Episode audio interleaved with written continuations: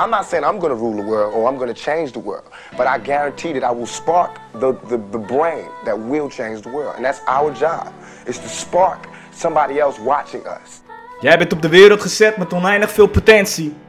En alles wat je nodig hebt zit al in je. Het enige wat je hoeft te doen, is naar durven kijken. Dit is de Held en de Spiegel podcast. Let's go! Held, heldin, welkom. Ik ben jullie host, Mike. En ik hoop dat alles goed met jullie gaat, dat je gezond bent. Het is alweer 4 mei, maandag 4 mei. En dat betekent een nieuwe week, een frisse start. En die frisse start beginnen we met Jesse. Hij stuurde me een bericht en hij zei: Je dagroutines, wat je gewoontes zijn, kan je dit behandelen in een nieuwe podcast? En toen dacht ik: Ja, mooi onderwerp. Ik ben toen gaan nadenken over het onderwerp en het bracht me tot een hele diepe laag. Dat ik dacht van oké, op het moment dat we gewoontes creëren, waarom doen we dat eigenlijk? Waarom creëer je een gewoonte? Want als je geen duidelijke reden hebt om die gewoonte te creëren, dan zul je er ook nooit consistent aan gaan, uh, gaan houden. Dus wat de meeste mensen zeggen van ja, het duurt zoveel dagen voordat je een gewoonte hebt gecreëerd. Ik weet niet, naar mijn mening is het gewoon onzin. Omdat een gewoonte creëer je vanuit een, een behoefte. En wat we vaak doen is we vermijden pijn. Of het is het verkrijgen van plezier. En ik denk, en dat is in ieder geval in mijn leven, mijn gewoontes zijn ontstaan vanuit beide principes. Namelijk het vermijden van pijn en het verkrijgen van plezier. En dat is gevormd door een waarde. De dingen die ik belangrijk vind in mijn leven. Een waarde kan zowel voor mezelf kan een uh, soort van gemis uh, opvullen. Maar kan ook iets zijn wat ik enorm belangrijk uh, vind. En het vergt moed om even stil te staan en te kijken naar jezelf en te voelen wat je daadwerkelijk nodig hebt. Om een concreet voorbeeld te geven. Ik heb altijd keihard gewerkt. 110% gegeven. Op het moment dat ik iets uh, moet doen, dan ga ik er volledig voor. Volle actiestand, doelgericht. En ja, ik blijf mijn gas geven. En dat heeft me altijd succes uh, behaald. Het heeft me promotie gegeven. Het heeft me. Ja, ik krijg op die wijze, door zo te werken, krijg ik gewoon shit voor elkaar. Krijg ik dingen gedaan. Alleen als ik dieper ga kijken, dan zit er ook een, een nadelige kant van het hard werk. Dus in mijn hoofd zeg ik van ja, dit is wat succes uh, behaalt. Hard werk, je moet blijven werken. Keihard. Maar wat me vaak tegenhoudt om volledig daar uh, gelukkig in, uh, in te zijn, is dat andere mensen waar ik een project mee heb, of misschien iets anders, die hebben een ander tempo. Waarbij ik denk van ja, in mijn hoofd weet ik al wat ik moet, moet doen. Ik geef volle actie. Hoe komt het dat het zo lang duurt allemaal bij, bij jullie? Dat is één. Maar ook, ik verlies mezelf in het proces. Namelijk, ik neem geen rust, ik neem geen pauze, ik blijf maar gaan. Dus op een gegeven moment ben ik uitgeblust. En dan heb ik weer een paar dagen nodig om uit te rusten. En dan denk ik, ja, oké, het voelde op dat moment wel, uh, wel oké dat ik zo hard aan het werk was. En dus wat ik hiermee wil zeggen is dat vaak onze gewoontes of de manier hoe we dingen doen. Het lijkt soms alsof het iets positiefs is, maar het kan ook een andere kant, uh, kant hebben. En je kan het pas uh, zien. En dat is wat ik bedoel ook wanneer je een gewoonte gaat creëren. Op het moment dat je echt stilstaat en naar de wortels uh, toe gaat. Waarom je de dingen daadwerkelijk wil gaan, gaan doen en waarom het zo belangrijk voor je is. Wat ik doe, ik ga naar beneden op het moment dat ik wakker word. Ik neem een glas water, dat is het eerste wat ik doe. Omdat het lichaam bestaat uit vocht. Dat wil ik meteen aanvullen. Wat ik belangrijk vind op een dag is, ik mediteer, ik journal. Niet voor iedereen is uh, meditatie uh, een ding. En voor mij in eerste instantie ook niet. Maar nu, ja, is het gewoon belangrijk in mijn leven en wil ik het uh, gewoon zo behouden. Het creëert voor mij bewustzijn.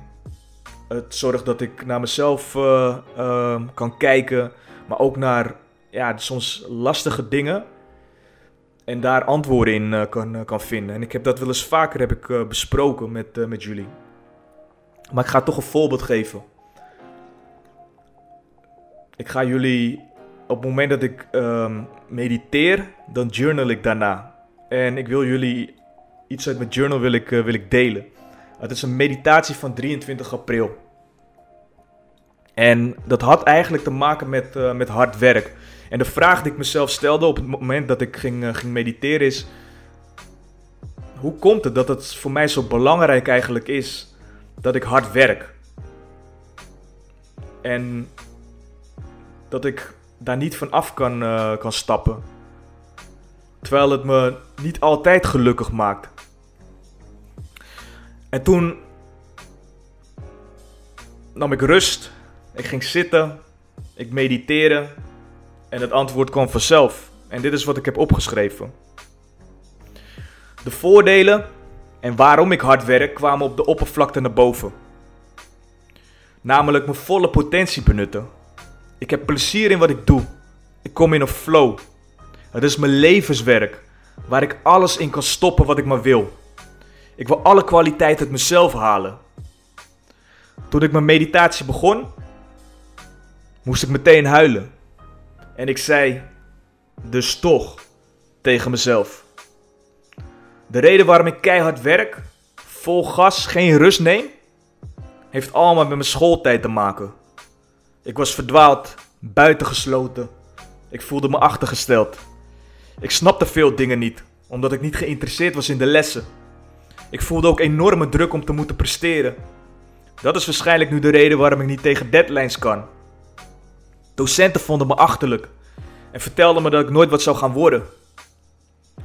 Omdat ik deze periode zo heb ervaren, heb ik nu enorme bewijsdrang eh, gecreëerd. Naar mezelf en naar anderen. Om het tegendeel te bewijzen. Om te laten zien dat ik niet de persoon ben die ze zeggen dat ik ben. Alleen diezelfde jongen, die ik probeer weg te drukken, te negeren, die zit nog steeds in mij. Het is de verdwaalde jongen, die niet goed genoeg is. Ik heb geleerd dat het anders kan. Dat je dingen behaalt door hard te werken. Dat heeft mij de resultaten gegeven en succes. Alleen om balans te vinden, mijn eigen kracht te ervaren zonder mezelf of mij aan een ander te moeten bewijzen, heb ik de puber te accepteren die in het eerste van het Eckert College verdwaald was. Ik accepteerde jonge Michael op de paus Johannes, die niet echt geïnteresseerd was. Ik had namelijk andere dingen te doen. En nog steeds heb ik andere dingen te doen. Mijn eigen weg te bewandelen. Hard werk, dat vind ik heerlijk. Maar onthoud, het is een marathon. En als sprinter zal je deze nooit winnen. Ik zal meer naar mijn lichaam luisteren. Wanneer ik in een project of wanneer ik werk, ga ik beast mode. Maar werk slim. Neem voldoende rust. Het gaat om het resultaat, de weg die je bewandelt. Goed luisteren naar wat ik nodig heb. Dan ga ik nog harder. Kijk maar naar gisteren, wat ik allemaal heb neergezet. Accepteer het niet weten. Ik weet namelijk nu dat ik hulp kan vinden. Dat ik dingen kan opzoeken. Michael, ontspan in het proces. Ik volg mijn hart en mijn intuïtie. Ik had ook een gedachte dat ik het misschien wel eng vind om meer los te laten en te vertrouwen op mijn intuïtie. Daarom luister ik niet naar mijn eigen stem en ga ik er vaak nog tegen in, wat nergens op slaat. Ik weet dus als enige wat goed voor mij is. Het is keer op keer ook uitgekomen. De intelligentie in mij mag ten volste door mezelf omarmd worden. Naar de voorgrond. Laat hem de leiding nemen en laat los. Volledig vertrouwen op mezelf. En dat doe ik met mijn hart. Liefde naar mezelf. Naar mijn zijn. Ik zie mezelf in al mijn gebreken. En omdat ik accepteer, ben ik voor altijd heel. Deze stem van mij dien ik eerst zelf te vertrouwen. Want dezelfde stem zal miljoenen mensen ondersteuning bieden. Deze stem mag gehoord worden. Mijn stem is altijd te bescheiden geweest. Op de achtergrond. Weggestopt. Net als mijn 12-jarige zelf in de eerste klas van de middelbare school. Nooit meer. Al mijn stukken vormen de man die ik nu ben.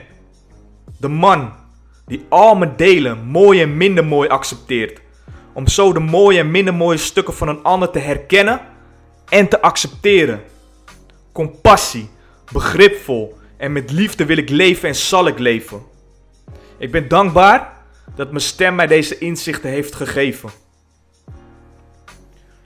Ik heb gemediteerd en dit is meteen wat naar boven kwam. Alle antwoorden zitten al in jezelf als je er maar naar luistert. En toen ik ben gaan schrijven, toen kon ik ook niet stoppen. En het leek alsof ik er niet meer was. Het ging gewoon. Mijn hand, de pen, het papier. Niet nadenken vanuit het hart. En dit is wat eruit kwam.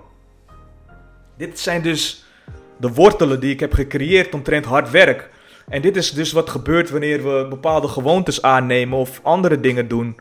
Waarvan we in eerste instantie denken van ja, dit is hoe het hoort, dit is wat ik moet doen om gelukkig te worden. Maar wat soms niet, uh, niet blijkt. De boodschap is goed te luisteren naar, uh, naar jezelf. Want ik denk op het moment, iedereen heeft wonden. Iedereen maakt in zijn leven teleurstellingen mee. En het is de wijze hoe je daarop uh, op reageert en wat je daarmee mee doet. En het zijn allemaal schaduwkanten van, uh, van jezelf, waar je heel veel dingen in stopt. Hoe je ouders je hebben opgevoed of hoe de omgeving met je is, uh, is omgegaan. En het zorgt niet altijd voor een leukere kant die we, die we laten, laten zien. Zowel niet aan onszelf, maar ook niet aan de buitenwereld. Dit is een diepe podcast en toch wil ik iets, iets delen nog. Mijn vriendin die vroeg anderhalf jaar geleden aan tafel, vroeg ze van... Mike, wanneer ben je op het punt gekomen dat je bent gaan, uh, gaan houden van jezelf? En ik moest lachen en ik dacht, wat is dit voor vraag? En toen ik ging nadenken over het antwoord, toen vertelde ik haar het volgende. Ik zei, toen ik heel uh, jong was en ik zat nog op, uh, op de kleuterschool en ik ging vervolgens later pas naar, naar de middelbare. Maar toen was ik katholiek, was ik, was ik opgevoed. Ik ben gedoopt. Ik heb drie namen. En ik ging um, voor het slapen gaan ging, uh, ging bidden. Bidden naar God. En toen wist ik nog helemaal niet wat, uh, wat God uh, betekende. Ik zag het meer als een persoon. Dus elke dag was ik aan het, aan het bidden. En waar ik het meeste om, om vroeg, was eigenlijk het gemis in mijn leven. Ik had geen band met mijn zusje. Ik had geen band met mijn moeder. Dus ik miste eigenlijk liefde van een vrouw. En er gebeurde heel veel in, uh, in die tijd. Waardoor ik echt me eenzaam uh, voelde en alleen op de wereld. Dus ik smeekte elke dag, elke avond voor het slapen gaan van alsjeblieft, stuur me de liefde van mijn leven op, op mijn pad. Laat de liefde van mijn leven verschijnen. En elke week had ik weer een teleurstelling. En weken werden maanden en maanden werden jaren. En toch bleef ik het continu proberen en smeken. En ik zag vrienden om me heen die relaties kregen en ik was nog steeds met niks. En toch bleef ik doorgaan en ik bleef het vragen. Stuur me alsjeblieft de liefde van mijn leven. Ik doe er alles voor. En nog verscheen er gewoon, gewoon helemaal niks. Dat ik zo teleurgesteld was en dat ik gewoon afstand heb gedaan van uh, religie. En ik heb ook nooit meer heb ik daarom uh, gesmeekt. En toen heb ik heel wat pijnlijke ervaringen meegemaakt. Thuis, met mijn moeder, met mijn zusje. Dat heb ik wel eens in een eerdere podcast uh, verteld. Maar dat al de, de belangrijkste vrouwen van mijn leven ook daadwerkelijk waren verdwenen uit mijn leven. En toen leerde ik voor het eerst um, mijn ex kennen. En ze was echt heel goed. Heel goed voor, uh, voor me. Alleen het was te vroeg. Te vroeg voor mij, want ik zat met nog te veel onverwerkte shit. En hoe ik daarmee deelde, ja, we, dat kon gewoon niet, weet je. Ik was eigenlijk nog maar een jongetje. Ik was geen man die eh, ja, de leiding eh, nam over zijn eigen leven. Die echt durfde te kijken naar zijn verdriet, naar zijn pijn. En op die wijze eh, aan de slag ging met zichzelf. En daardoor ook liefde kon geven aan, aan, aan ja, de meest belangrijke personen in zijn omgeving. Op een gegeven moment is het uitgegaan en toen kreeg ik ja, wat andere vrouwen kreeg ik uh, te ontmoeten. En die hebben me alleen nog maar uh, meer pijn uh, gedaan. Waardoor ik in een periode kwam waarbij ik echt helemaal volledig weg was van mijn principes. Ik wilde altijd maar één vrouw in mijn leven hebben waarmee ik de rest van mijn leven zou, zou delen. En ik zou er echt alles zou ik er, zou ik er geven. En vervolgens was ik nu continu was ik met verschillende scharrels was ik, ja, het bed in, in beland. Gewoon leegte twee personen die alleen maar seks hadden met elkaar. Geen gevoel. Volledig in het hoofd. En in de tussentijd waren er meiden die uh, wel gevoel hadden. Maar ik zei continu ik van... Hé, hey, luister. één ding. Wij gaan niet iets, uh, iets krijgen. Laat dat duidelijk uh, zijn. Ik, ik zoek geen relatie. En hoe mooi deze contacten ook waren... Ik, ik zag het gewoon niet. En daardoor heb ik uh, de pijn en verdriet die mij is aangedaan, heb ik vervolgens heb ik overgedragen aan, uh, aan een ander. En ik kwam op het punt dat ik dacht van oké, dit is niet hoe ik wil, uh, wil leven. Wat is nou datgene wat ik belangrijk vind? Wat zijn nou de dingen die mij gelukkig maken? En dat is, ben ik, dat is hetgene wat ik ben gaan, gaan doen. Ik ben gaan reizen. Ik ben heel veel andere dingen ben ik gaan, uh, gaan proberen. Uh, juist om te ontdekken van wat, wat vind ik nou belangrijk, wat maakt me nou gelukkig. En op het moment dat ik volledig gefocust was op mezelf, toen begreep ik het. Toen kwam namelijk mijn huidige vriendin, waar ik zielsveel van hou, kwam, uh, kwam op mijn pad. Maar dat kon alleen maar gebeuren op het moment dat ik eerst van mezelf hield. En mensen zeggen altijd van, ja, houden van jezelf. Je moet houden van jezelf, je moet je ontwikkelen. En dan is alles vrolijk en er is heel veel uh, liefde. Maar houden van jezelf heeft ook te maken met het accepteren van je donkere kant en daarnaar uh, durven te kijken. En behalve daarna durven te kijken, ook daadwerkelijk jezelf gaan, uh, gaan helen. En ook met de mensen praten die je misschien pijn hebt gedaan. Hoe vervelend het ook uh, mag zijn, maar, maar dat zou ook natuurlijk heling voor hun kunnen zijn. Om terug te gaan naar de vraag van mijn vriendin. Wanneer ben je op het punt gekomen dat je bent gaan, uh, gaan houden van jezelf? Ja, die is heel duidelijk. Op het moment dat ik volledig naar mezelf uh, durfde te, te kijken. Zowel naar de donkere kanten, maar ook naar de dingen die voor mij belangrijk zijn en waar ik gelukkig van word. En full focus daarop op had. En toen kreeg ik opeens het inzicht. Een van de mooiste dingen is dat ik was altijd aan het bidden naar, uh, naar God. En daar ben ik mee gestopt. En wat ik altijd zei was: breng me alsjeblieft de liefde van mijn leven op, uh, op mijn pad. En vervolgens kreeg ik geen antwoord. En er kwam ook helemaal niemand kwam er op mijn pad. Maar wat nou daadwerkelijk het antwoord is geweest, is die persoon is altijd al op mijn pad geweest. Namelijk ikzelf. En daarom is er nooit iemand gestuurd. Want dat was de boodschap. Dus ook daarin kon ik helen. Hoefde ik niet meer boos te zijn. De boodschap was dus duidelijk en ik begreep hem. Guys, ik heb maar weinig mannen in mijn omgeving gehad. En ik vind het een van de meest belangrijke dingen. Gewoon mannen die levenservaring hebben, wijsheid. Want dat zorgt ervoor dat je in je kracht komt als, eh, als man. Er zijn maar weinig mannen die echt een koning hebben in zich. Die een duidelijke missie hebben, die naar hunzelf durven te kijken. En op die wijze gewoon goede gewoontes, goede manier van leven creëren. En ik wil je dus uitdagen om die man te worden. Voor jezelf. Al je kanten. Zowel de donkere kanten die je hebt, de liefdevolle kanten die je hebt, maar ook de krachtige kanten die je hebt. Gewoon dat laat samenwerken. Dat je de koning in jezelf, degene die daadwerkelijk de missie bepaalt, de visie bepaalt, dat je die altijd goed voor ogen houdt en, en gewoon altijd ook luistert en goed voelt. Want dat zit in jezelf, in je lichaam. Er is niemand die jou advies kan, eh, kan geven, want jij bepaalt hoe je je koninkrijk wil, eh, wil hebben. Jij bepaalt hoe je je leven invulling uh, geeft. Er zijn genoeg mensen ook weer in jezelf die je dat advies kunnen geven, maar het is de koning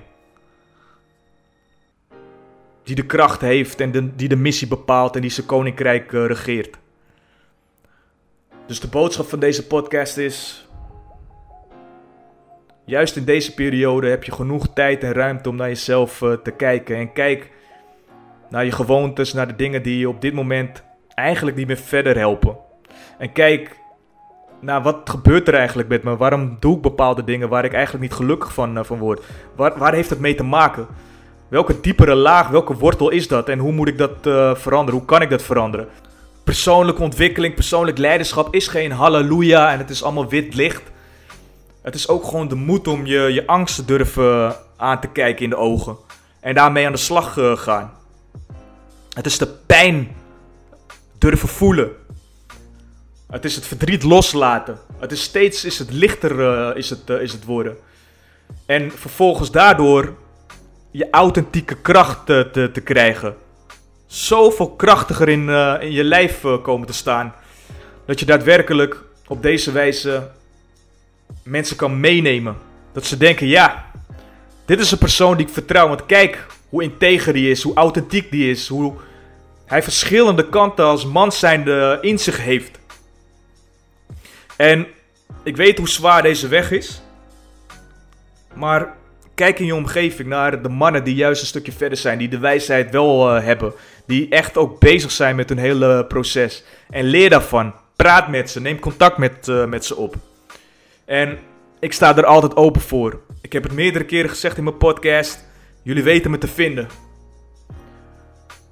Blijf groeien. Ik spreek jullie volgende week weer. En peace!